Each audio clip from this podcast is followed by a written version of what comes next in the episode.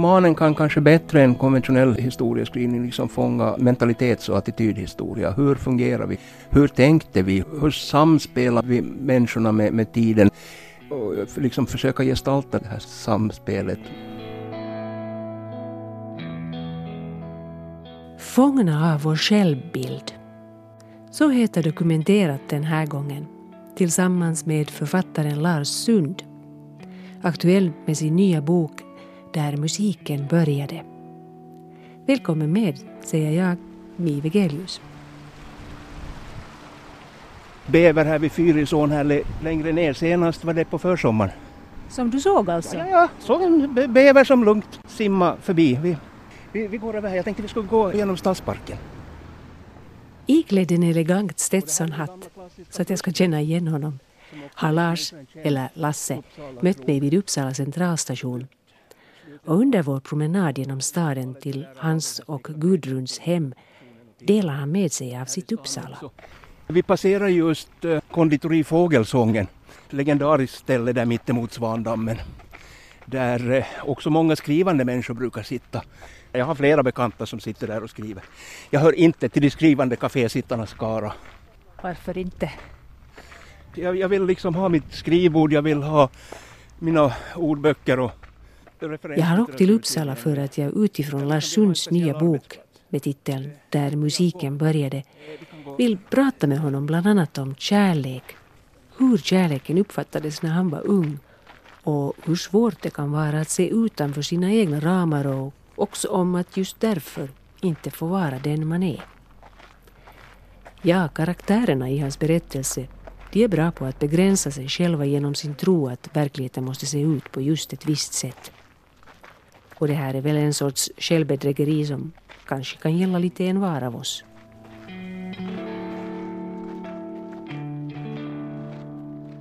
I mitten av 1970-talet kom Lars Sund med någonting nytt i vår litteratur i och med prosadebuten Natten är ännu ung. En ungdomsskildring som på ett helt eget, uppkäftigt sätt innehåller 16-åriga Eki Bergmans funderingar i en småstad. Det kunde i princip ha varit vilken småstad som helst, men här var det frågan om Jeppis, alltså Jakobstad, Lars Sunds egen uppväxtstad. Efter Åboskildringen Vinterhamn kom sedan Siklax-trilogin från och med början av 90-talet med delarna Colorado Avenue, Lanthandlerskans son och Eriks bok. Colorado Avenue och Lanthandlerskans son filmades också av Claes Olsson 2007. Efter bland annat essäer av en morgondrött fågelskådande författare så var det 2014 dags för Tre systrar och en berättare. En roman i fyra akter. I likhet med Siklax-trilogin så ska också det här bli en trilogi. Och nu har del två kommit ut.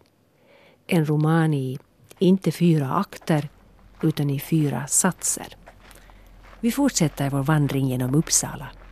Ja, Uppsala känns ju för närvarande nästan som en enda stor byggarbetsplats. Det byggs väldigt mycket bostäder här också. Vilket åtminstone kan vara bra för min son för han är nämligen byggnadsarbetare, byggnadssnickare. Eh, han är född i Chile, han är adopterad alltså. Så att han råkar fylla Efter studier vid Åbo Akademi på 1970-talet och en del tidningsarbete vid Åbo Underrättelser flyttade Lars Sund till Uppsala. Där bor han än idag tillsammans med översättaren och författaren Gudrun Utas. Här bor Hallå! Hej!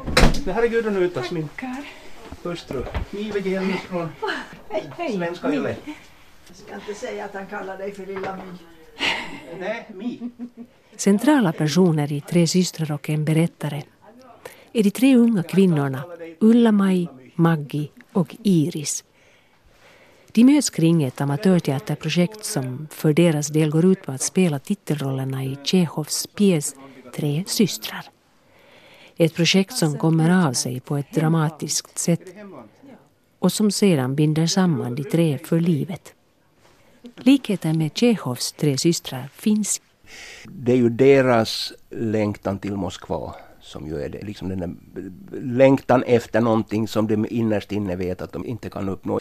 Men framförallt så var det ju det då att själva pjäsen med sina tre bärande roller blev en mötesplats för Ulla-Maj, Maggi och Iris. Jag valde också deras namn just också därför att de skulle anspela på Tjechovs rollnamn Olga, Masha och Irina.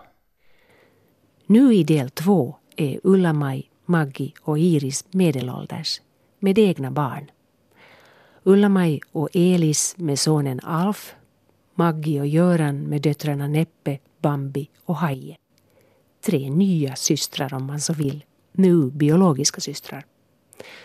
Och Iris, den tredje kvinnan, hon får inga barn men hon hittar sin stora kärlek i Simon. Och det man längtar efter här, det är ju bland annat kärleken och musiken. För Alfs del så rör han sig till exempel mellan Erik Satie under sina pianolektioner till minimalisten Philip Glass och till Frank Zappa.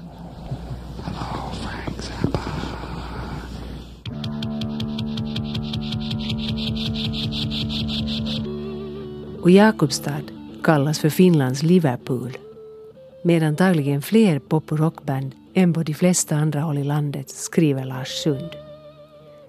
Berättaren i Sunds nya bok, också han drömmer om att vara musiker. Musiken började, här och nu. Jag stod utanför fönstret och drömde mig in i repetitionslokalen. Drömde att det var jag som hade gitarren i en rem om halsen och drog plektrumets plasttunga över strängarna och fick ackorden att klinga ur högtalarskåpet metalliskt, högt. Om jag bara hade kunnat spela. Berättaren i boken, han alltså bara drömmer om att kunna musicera. Medan den unga Alf Holm, han har rent av absolut gehör.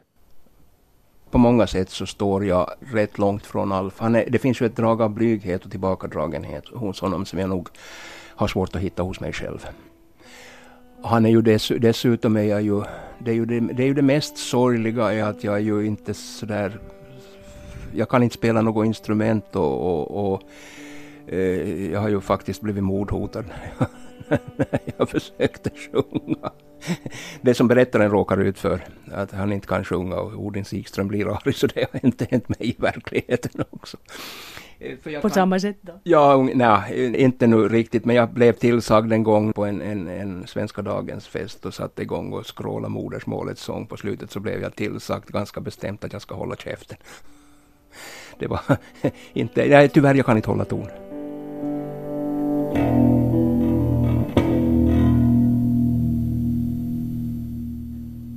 Ulla-Maj och Elis har tillsammans med Alf bott i Amerika i några år när han var liten. Redan när Alf går sina första år i musikskola där är Ulla-Maj den som är så inne i sig själv och sin egen syn på världen att hon inte ser sin son som den han är. Och det Ulla-Maj inte ville veta var Alfs musikaliska begåvning och att han därtill hade absolut gehör som musikläraren vid Public School 114 i Bronx hade förklarat för henne redan för tio år sedan. Istället för att gömma och begrunda musiklärarens ord i sitt hjärta tog Ulla-Maj genast itu med att stuva undan dem i en mörk och djup källare längst ner i sitt undermedvetna. Ulla-Maj hade reagerat på liknande vis när helst hon såg tecken på att Alf på något sätt vore speciell. Som då Alf påstod att han hörde hur det spelade i kudden när han låg i sängen och skulle sova. Alf hade frågat mormor Linnea vad det var han hörde. Han verkade rent av lite orolig. Linnea hade sagt att det säkert var änglarna som sjöng vaggvisor för honom och tyckte att hon svarat ganska fiffigt. Det tyckte inte Ulla-Maj. Åh, så flygande arg hon blivit. Du ska inte intala pojken tolli dumheta, skrek hon till sin mor. Hon glödde av ilska. Det var nästan så att hon själv blev rädd. Ja, men inte är full farligt. Jag svarar bara åt pojken, stammade Linnea. Änglar i dynon. Tänker du laga så han var underlig? Det var möjligen eh, kanske lite att ta i då att förse honom med, med absolut gehör. Eh, eller med, med liksom ett absolut tonminne. Men, men han hade ju redan i första boken som liten så hade han ju det här absoluta gehöret. Och det var en liten detalj också det där om att han hörde liksom att det sjöng i kudden i Tre systrar. Det, det har jag faktiskt stulit från Kaja Saariaho. Därför att jag läste någon intervju med henne när hon sa det liksom när hon var liten så hörde hon sång i kudden. Så att jag, jag hoppas att hon förlåter mig detta, detta, detta lån. Jag tyckte det verkar så bra och det verkar så, så absolut trovärdigt att en, liksom en liten unge hör att den, den där musiken fanns i honom redan. Men det hjälper inte. Hämningen har redan präglats in i Alf. Och som lite äldre så... Han får ju erbjudanden om att spela med i alla de här banden i Jakobstad, men han spelar ju inte med i, i något av banden därför att han är ju på ett plan för hämmad. Och för henne så det finns liksom inte riktigt på kartan att han ska liksom kunna ha en en speciell musikalisk begåvning. Och framförallt inte det att det skulle vara tillräckligt för att han skulle kunna försörja sig på den. Alfs mamma vill ju, uh, Ulla-Maj vill ju att han ska bli lärare, som hon, han ska gå den pedagogiska banan. Hon ville ju också gifta sig med en lärare, gärna. Eh, ja, det ville hon. Det, det, hade hon nog kanske tänkt sig då i, i Tre systrar. Ja. Men det blev ju naturligtvis då bilmekanikern Elis istället. Därför att eh, man kan inte alltid hålla koll på kärleken, den går sina egna vägar. Hon har ju gjort en klassresa från alltså att vara dottern då till en kokerska. Den här klassresan kommer ju att ta henne ända upp till Arkadiabacken, riksdagen. Men hon kan liksom inte riktigt föreställa sig att det finns liksom alternativa vägar och att ett konstnärligt yrke är någonting som, som man kan ta på allvar. Och hon vill rädda Alf. Hon vill att Alf då ska få en ordentlig utbildning, få ett hederligt arbete, kanske rent av bli läroverkslektor. Eller åtminstone då, eller lektor i gymnasiet som det, det heter, därför att en av de viktiga drivkrafterna för Ulla-Maj så det är ju den här skolreformen, för hon är ju aktiv under den perioden när grundskolan kommer till i Finland. Eh, jag tror inte att någon människa har skrivit om, om just den saken någonsin tidigare i finländsk litteratur. Eh, men jag tror att just skolan har spelat en så enormt stor roll i samhällsbygget. Men hon tycker ju då att Alf måste ha ett ordentligt arbete. Men sen kan musiken vara, det är ju en trevlig hobby. Det är ju det att Alf uppfattar ju det inte alls på samma sätt. Men han vill ju försöka vara en god son och lyda sin mamma och åker till Åbo. Där blir det inte någonting av studierna. Men det, det blir ju en spricka mellan honom och framförallt hans mamma. Som jag nog inte tror att någonsin blir helad.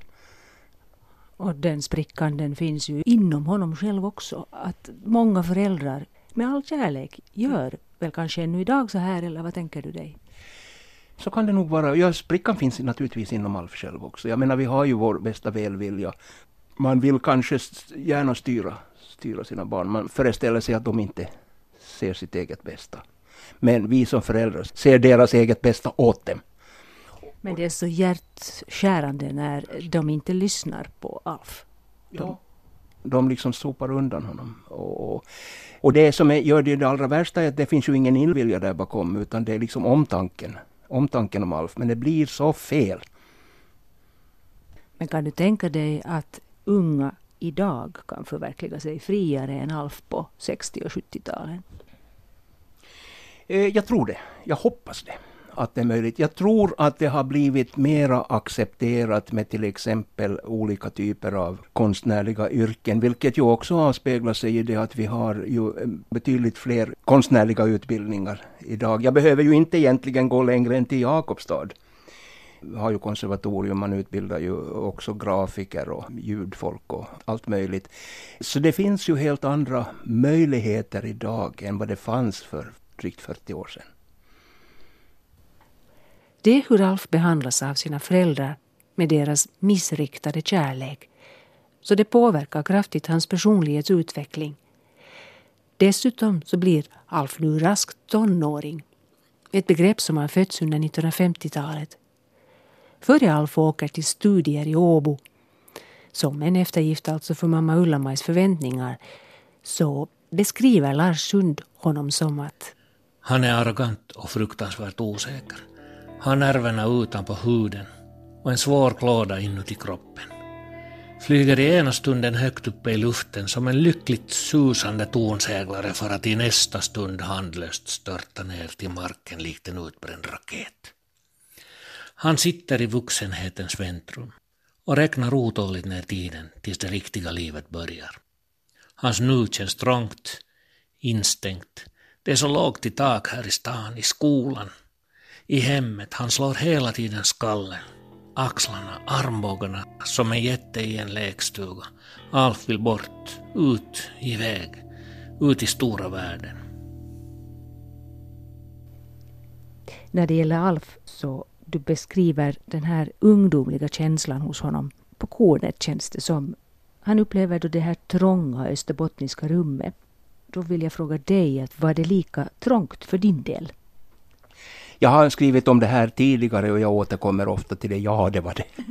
Det var ju redan i din första prosabok, När ratten ännu är ung. Ja, det, där hade den också temat att komma ut i världen, en, en sorts otålighet. Eh, vi som är födda på 50-talet och som var tonåringar på 60-talet hade ju liksom förmånen att, att liksom få hela världen överöst av oss. Därför att då hade ju Alltså kommunikationerna hade ju blivit så förfärligt mycket bättre. Plötsligt så hade vi TV, vi hade musik, eh, vi hade filmer. Alltså den här isoleringen som Finland hade befunnit sig i hade brustit. Eller börjat hävas den här isoleringen. Vi hörde ju till de första också som hade förmånen att ge oss ut och resa med Interrail-kort. Så jag skulle väl nästan vilja hävda att nu är den första, kanske den första generationen för vilken resandet inte blev någonting nödvändigt som man gjorde för att söka sig ett bättre liv eller på grund av krig eller någonting annat, utan vi reste för resandets egen skull. Vi kunde ge oss ut och tågluffa. Och, och vi, vi började uppfatta det som väldigt självklart. Och sen så var det ju så mycket annat också som präglade oss. Alltså det kom ju hela den här vågen med eh, musiken var så oerhört, oerhört viktig. Jag menar, jag tänker på det att det bara häromkvällen så lyssnade jag på den här brittiska supergruppen Creams skiva Disraeli Gears. Den hade väl visserligen, tror jag, kommit 19, redan 1967, men alltså det är 50 år sedan.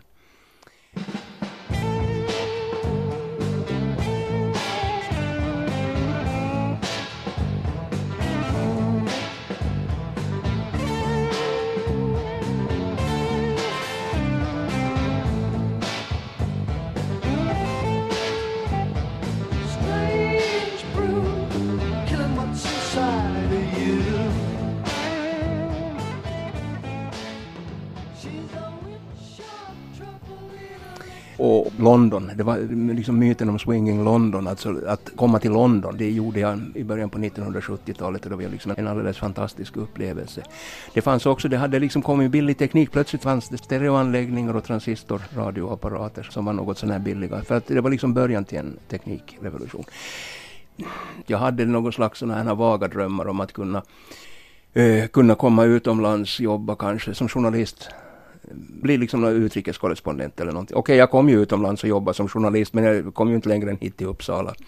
Men, men det fick väl som sagt ändå duga. Men världen hade blivit mer internationell. Men du hade ju själv också bott utomlands ja. redan som mindre. Så ja, var det en del också som påverkade dig ännu starkare då? Eh, det tror jag alldeles säkert. Därför att jag hade ju den stora fördelen då att i och med det att jag hade gått i skola i Förenta Staterna i början av 60-talet så hade jag ju engelskan gratis. Och hade hyggligt, klarat mig hyggligt på, på proven också. Det var ju en stor lättnad. Så man kunde ju använda tiden till någonting värdefullare än att läsa engelskläxor. Ja, nej, men det betydde ju naturligtvis en hel del också. Det fanns ju också litteratur som jag läste på den tiden, rätt mycket amerikansk litteratur. Till exempel var en av mina favoritförfattare Kurt Vonnegut, han som alltså skrev Slakthus 5 och en hel del andra böcker också. Jag har börjat i efterhand inse att han nog har påverkat mig mycket mer än vad jag trodde. Jag tror att han har påverkat mitt skrivande mycket, mycket, mycket mer än jag egentligen har föreställt mig. Amerikanen Kurt Vonnegut's mest berömda bok Slakthus 5 utspelar sig i Dresden där han sitter som amerikansk krigsfånge. Sitt humanistiska budskap framförde Vonnegut delvis som en blandning av ett dokumentärt berättande och en svart humor. Komponenter också i Lars Sunds berättelser. Världen fördes till oss på ett nytt sätt. Jag tror till exempel att vi fick TV, att vi såg Vietnamkriget nästan i realtid betydde oerhört mycket. Liksom för att sammanfatta det så var det det alltså att, att det var liksom då som isoleringen bröts, världen kom till oss och vi var ju fruktansvärt otåliga. Vi tyckte liksom att ingenting hände sen i den här lilla avkroken Jakobstad. Så jag, Alf, i Lars Sunds nya roman Där musiken började. Han sitter fast som i en rävsax under sin uppväxt i Jakobstad. Istället för att få vara kreativ och uttrycka sig börjar han tillhöra ältarnas gråa skara som till och med gärna tar förskott på framtida olyckor och besvikelser. Medan Alfs mor, Ulla-Maj, hon siktar i alla fall själv högt inom det område som hon då ser som respektabelt. Och hon kommer, som Lars Sund sa, här in på Arkadiabacken i riksdagen. Men ironiskt nog drabbas hon nu själv av det hon utsätter sin son för. Alltså att man inte lyssnar ordentligt på henne. Det var ju inte så att någon behandlade henne illa. Alla var artiga och vänliga mot henne. Men hon såg de små tecknen som visade att hon inte togs på samma allvar och tillmättes samma tyngd som sin manliga kollega. Det var till honom man vände sig, inte till henne. Det hände att männen vände henne ryggen. De stod axel mot axel som åskådare vid en fotbollsmatch och vägrade att släppa in henne i samtalet. Naturligtvis gjorde de det inte avsiktligt.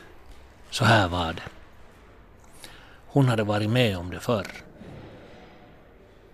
Och ändå kände hon besvikelsen lägga sig som en svart plastduk över glädjen och ivern att göra rikspolitik.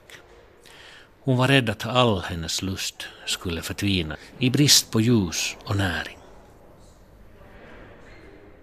Ser du det i, i samhället överlag? Att det sker? Ja då, eh, det gör jag och jag har ju dessutom fått väldigt god skolning därför att min egen mor var politiskt engagerad också och hon var ju ofta inne på den där frågan att vara kvinna och inte riktigt bli tagen på allvar. För hon brukar liksom ofta återkomma till det där att en kvinna måste vara mycket mer seriös, måste tänka över det hon säger mycket mer. Männen kunde liksom bara öppna mun och så, så blev de ändå automatiskt tagna på allvar. För en kvinna krävdes det mycket, mycket, mycket mer. Och vi har ju fortfarande en, vill jag hävda, en strukturell ojämlikhet i samhället som syns överallt, även om det har klart förbättrats. Men eh, som jag liksom såg det också när jag gjorde min research till den här romanen så var det ju faktiskt alltså också på det sättet att det var ett mansdominerat samhälle. Kvinnor togs inte riktigt på allvar. Kvinnor fick kämpa så mycket, mycket hårdare till exempel att komma fram inom politiken. Och det, det är Ulla-Majs erfarenhet. Och vi har idag Gunås politiska krafter som ju vill vrida klockan tillbaks. Så om vi går till nummer två av de här tre systrarna. Det här var nu Ulla-Maj, mm. men så har vi Maggie hennes äktenskap, vad säger du om det? Ja, det är ju inte egentligen något särskilt bra äktenskap. Jag tror att Maggie innerst inne är besviken. Hon hade hoppats på någonting annat. Hennes man, Göran Schalin, är väl inte den hon trodde att han var. Han är en betydligt svagare människa. Långt svagare när hon träffar honom strax efter kriget så är han ju liksom stans mest eftertraktade ungkarl och det är ju liksom en stor erövring för henne att Maggie lyckas få honom på kroken och hala in honom. Maggies syn på den man hon vill få, den kan också kopplas samman med hennes självbild, hennes attityder som kanske hindrar henne från att se lite djupare. Det skulle aldrig ha fallit henne in att gå utanför dörren utan åtminstone lite puder på kinderna och rött på läpparna. I hela sitt liv var fru Margit Schalin mycket noga med kläder och frisyr och makeup. Det måste man vara om man ska lyckas som bedragerska. Ja, hon var en bedragerska, Maggie. En illusionist som kreerade en roll för att förvända synen hos sin publik. Hon spelade den lyckliga hustrun, sina döttrars mor, hemmafrun, den sportiga moderna kvinnan som körde bil, seglade och bowlade. Föreningsmänniskan, den lysande värdinnan, den framstående societetsdamen och mycket mer. Det var en stor och sammansatt roll. Säkert för svår för många annan, men Maggie gick helt och hållet upp i den och spelade med bravur. Redan på torsdag skulle hon ge en ny föreställning vid Segelsällskapets trettondagsbal på Stadshotellet. I tankarna repeterade hon redan sin entré. Hur hon vid Görans arm skulle skrida ner för den svängda trappan till stora restaurangsalen. Leende, glittrande. Göran i frack, hon i den långa aftonklänningen av råsiden med öppen rygg hon hittade hos NK sist Göran och hon var i Stockholm. Hon unnade sig redan att ta ut lite förskott på den kittlande lustan. En varm, lätt rysning i huden som herrarnas beundrande och damernas avundsamma blickar skulle väcka i henne. Blickarna var hennes tysta applåder.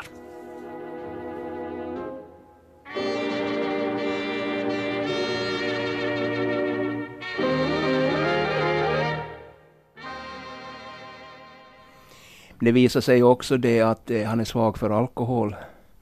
Han är som företagsledare behöver han stöttning.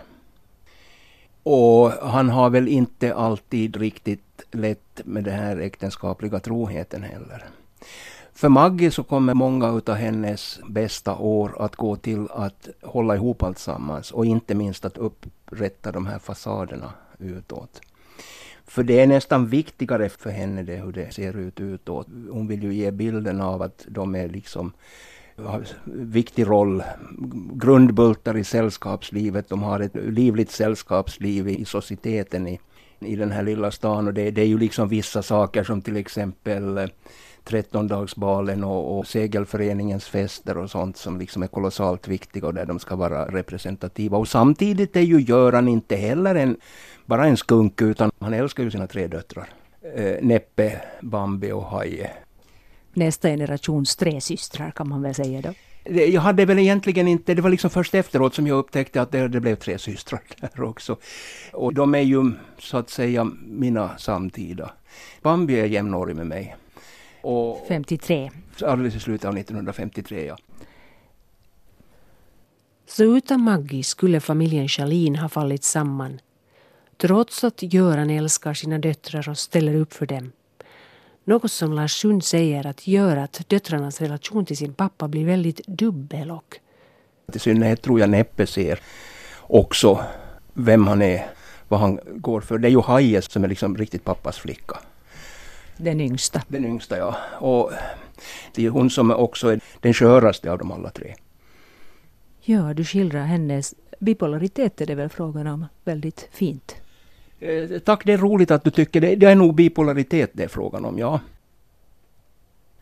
Inuti varje människa svänger en pendel. Det är den som håller igång vårt känsloliv. Den vänder från glädje till nedstämdhet, från missmod till lust, från sol till skugga. Hos de flesta gör pendeln lagom stora utslag, rör sig kring ett mittläge där livet är hanterbart. Men Hos några slår pendeln emellanåt våldsamt och vilt. Från svartaste missmod till jublande eufori. Från lyckorus till depression. Haje hörde till det instabila skara. De som kan stiga till väders likt en raket med eld i stjärten. För att därpå lika oväntat, som en dykarklocka i fritt fall, sjunka ner till botten av en själens marianergrav. Ja, hon är, hon är bipolär. Hon, hon har en fungerande medicinering och inte minst tror jag att ALF betyder kolossalt mycket för henne.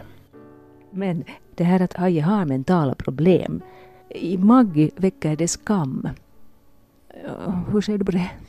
Ja, alltså det, det här är någonting som jag äh, känner igen från äh, när jag växte upp. Alltså det fanns en oerhört stark rädsla för för mental sjukdom.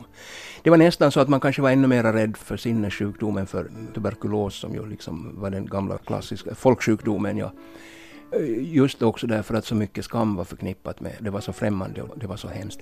Här tror jag att attityderna har ändrats alldeles totalt därför att vi talar ju, man, man, man talar mycket mer öppet nu än man, man, tidigare kunde göra om det. Även om jag undrar ibland om inte liksom någon slags sån här urgammal atavistisk rädsla varför sinnessjukdomen fortfarande finns kvar.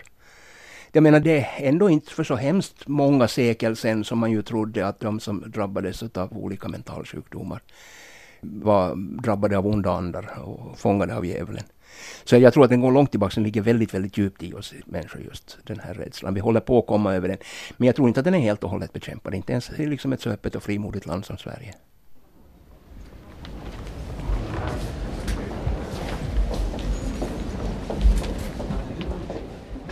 Den tredje systern, Iris, som Lars Sund säger att på många sätt är hans favorit, dyngkuskens, latrinkuskens dotter, hon gör också en klassresa. Samtidigt är hon den av de tre som kanske bäst har reda på sin självbild eftersom... För Iris innebär ju klassresan en befrielse och inte minst att hon accepterar sin egen homosexualitet. Vilket eh, jo, hon kan ju eh, delvis också leva ut den. Nu tror jag att det var betydligt lättare för lesbiska. Därför att eh, det är ju den manliga homosexualiteten som på något sätt har varit den som har fördömts. Jag menar när man bakom Svenska Teatern ännu efter kriget när polisen jagade homosexuella där så var det ju män. Det var ju inte kvinnor de jagade jag tror att det har liksom varit långt mer accepterat att två kvinnor delar lägenhet och lever ihop och så låtsas man som om de är väninnor. För Iris så blir det ju detta att teaterscenen öppnas för henne. Hon blir skådespelerska. Hon, hon, har en talang också naturligtvis, då, så hon kan leva ut all den här, förverkliga de här barndomsdrömmarna om teatern. Det, det, det, handlar ju rätt mycket, de här romanerna, just också liksom om det här konstnärliga. Tanken var ju den då att teatern skulle liksom finnas i, i bakgrunden och prägla Tre systrar. Och musiken ska prägla den andra delen. Och sen kommer det också konst att prägla den tredje delen. Men det säger jag ingenting om vad det kommer att vara. Men är det bildkonst? Ja, ja det hade jag faktiskt egentligen tänkt mig från början, men ja. Eh, det, alltså Iris klassresa får en annan inriktning, eller liksom ett annat utfall än Ulla-Majs. Därför att, vad ska vi säga, Ulla-Majs klassresa ändrar i det att hon liksom försvarar det bestående, det liksom institutionaliserande, det finns bara ett sätt att leva. För Iris så är det mera öppet, kanske inte minst också därför att teatern erbjuder ju så många alternativ, så många masker, så många roller. Och för henne blir det också då, hon har ju framgångar här i Sverige. Jag tyckte det var lite roligt då att hon skulle till och med uppträda i Hylands hörna med Jarl Kulle. Eh, det där kanske man inte riktigt förstår sig på i södra Finland, men alltså i Österbotten är det liksom det, svensk TV, det är det största. Men den verkliga Iris, det är ju naturligtvis hon släpper ju inte sitt ursprung. Den verkliga Iris, då förvandlas hon tillbaka från Iris Kvarnström till Iris Myllymäki från Skutnäs. Då talar hon dialekt. Och där Ulla-Maj har, har liksom lämnat och inte riktigt vill kännas vid sitt ursprung. Där har Iris det kvar och för henne blir ursprunget viktigt som just en motvikt till den hon är på scenen.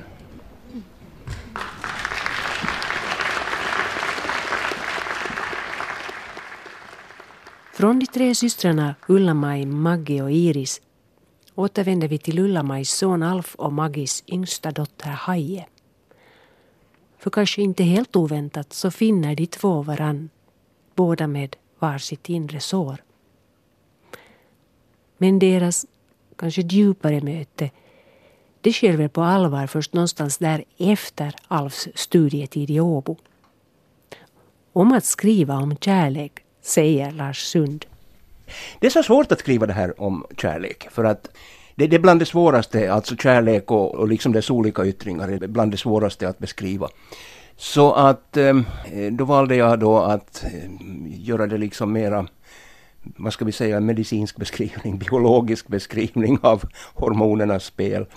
Jag tror också att jag kan gömma mig bakom berättaren här, han är lite generad. Så därför väljer berättaren att beskriva det.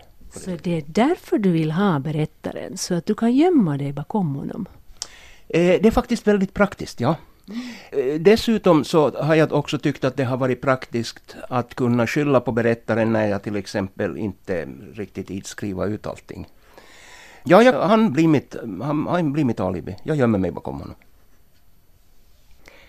under sin studietid i Åbo, Åbo Akademi, så har Alf många, kan man väl säga, one night stands och han sårar väl många flickor.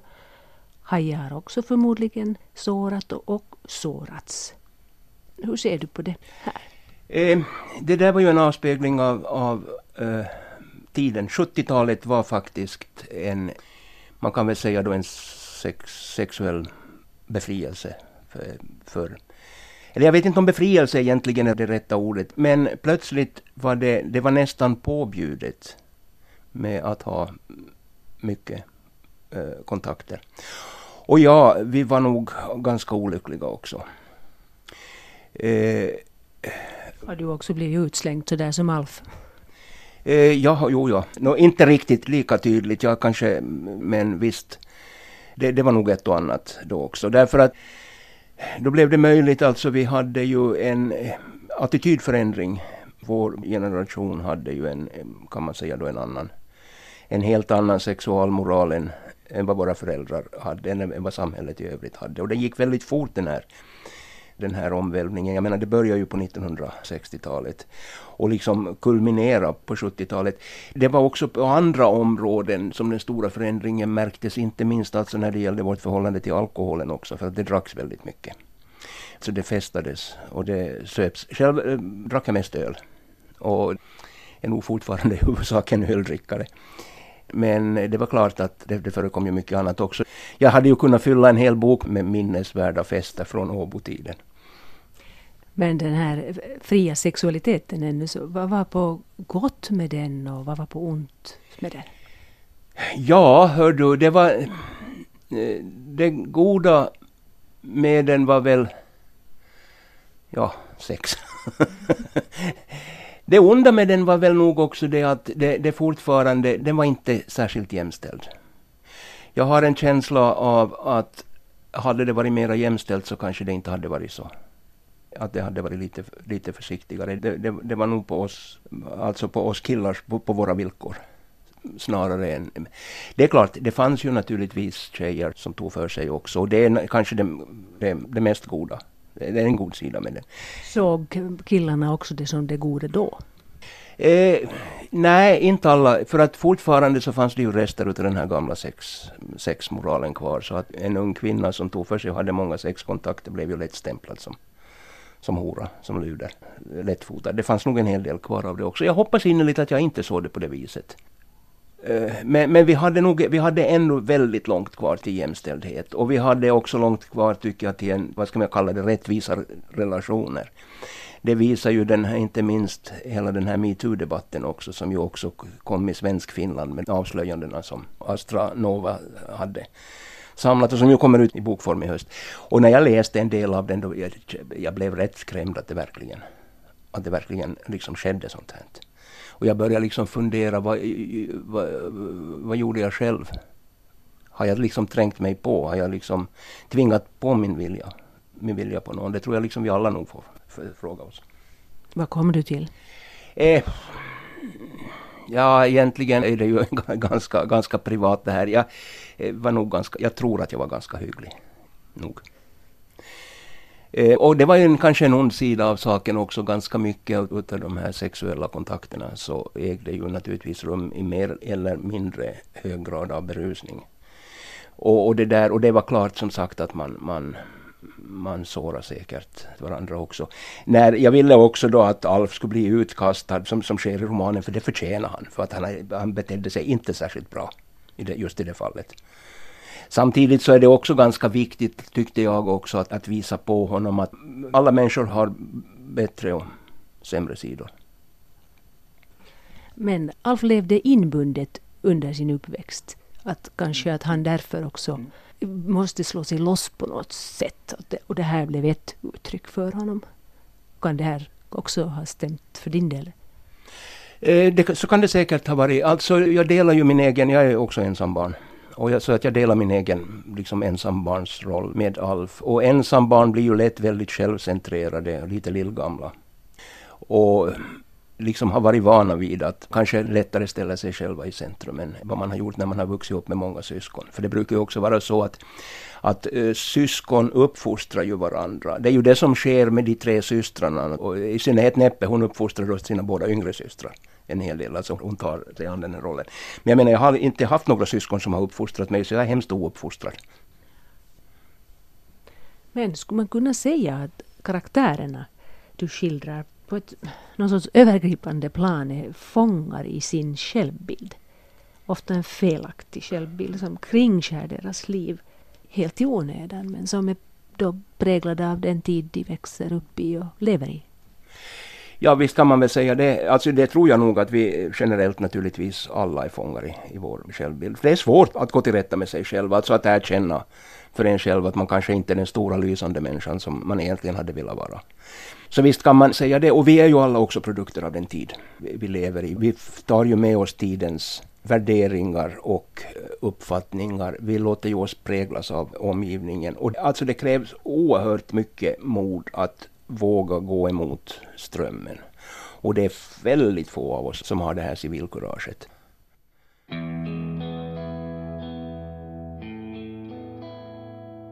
Jag har liksom velat spegla den här utvecklingen och försökt just alltså fånga mentaliteten.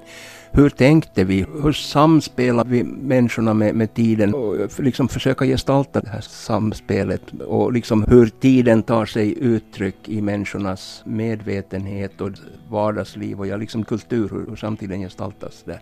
Det är väl egentligen det jag är ute efter att försöka beskriva i de här romanerna. Hur också väldigt mycket för Alfs generation och min egen generation och liksom hur mycket som vi har tagit för givet och som vi kanske blir tvungna att ompröva nu.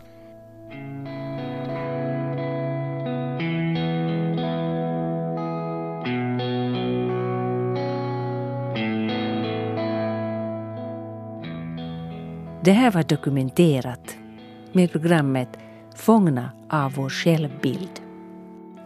Vi hörde författaren Lars Sund aktuell med sin nya bok Där musiken började. Med uppläsning medverkade Thomas Witting. För ljudarbetet stod Anne Heikkilä. Producent var Staffan von Martens. Redaktör jag, Mi Vegelius.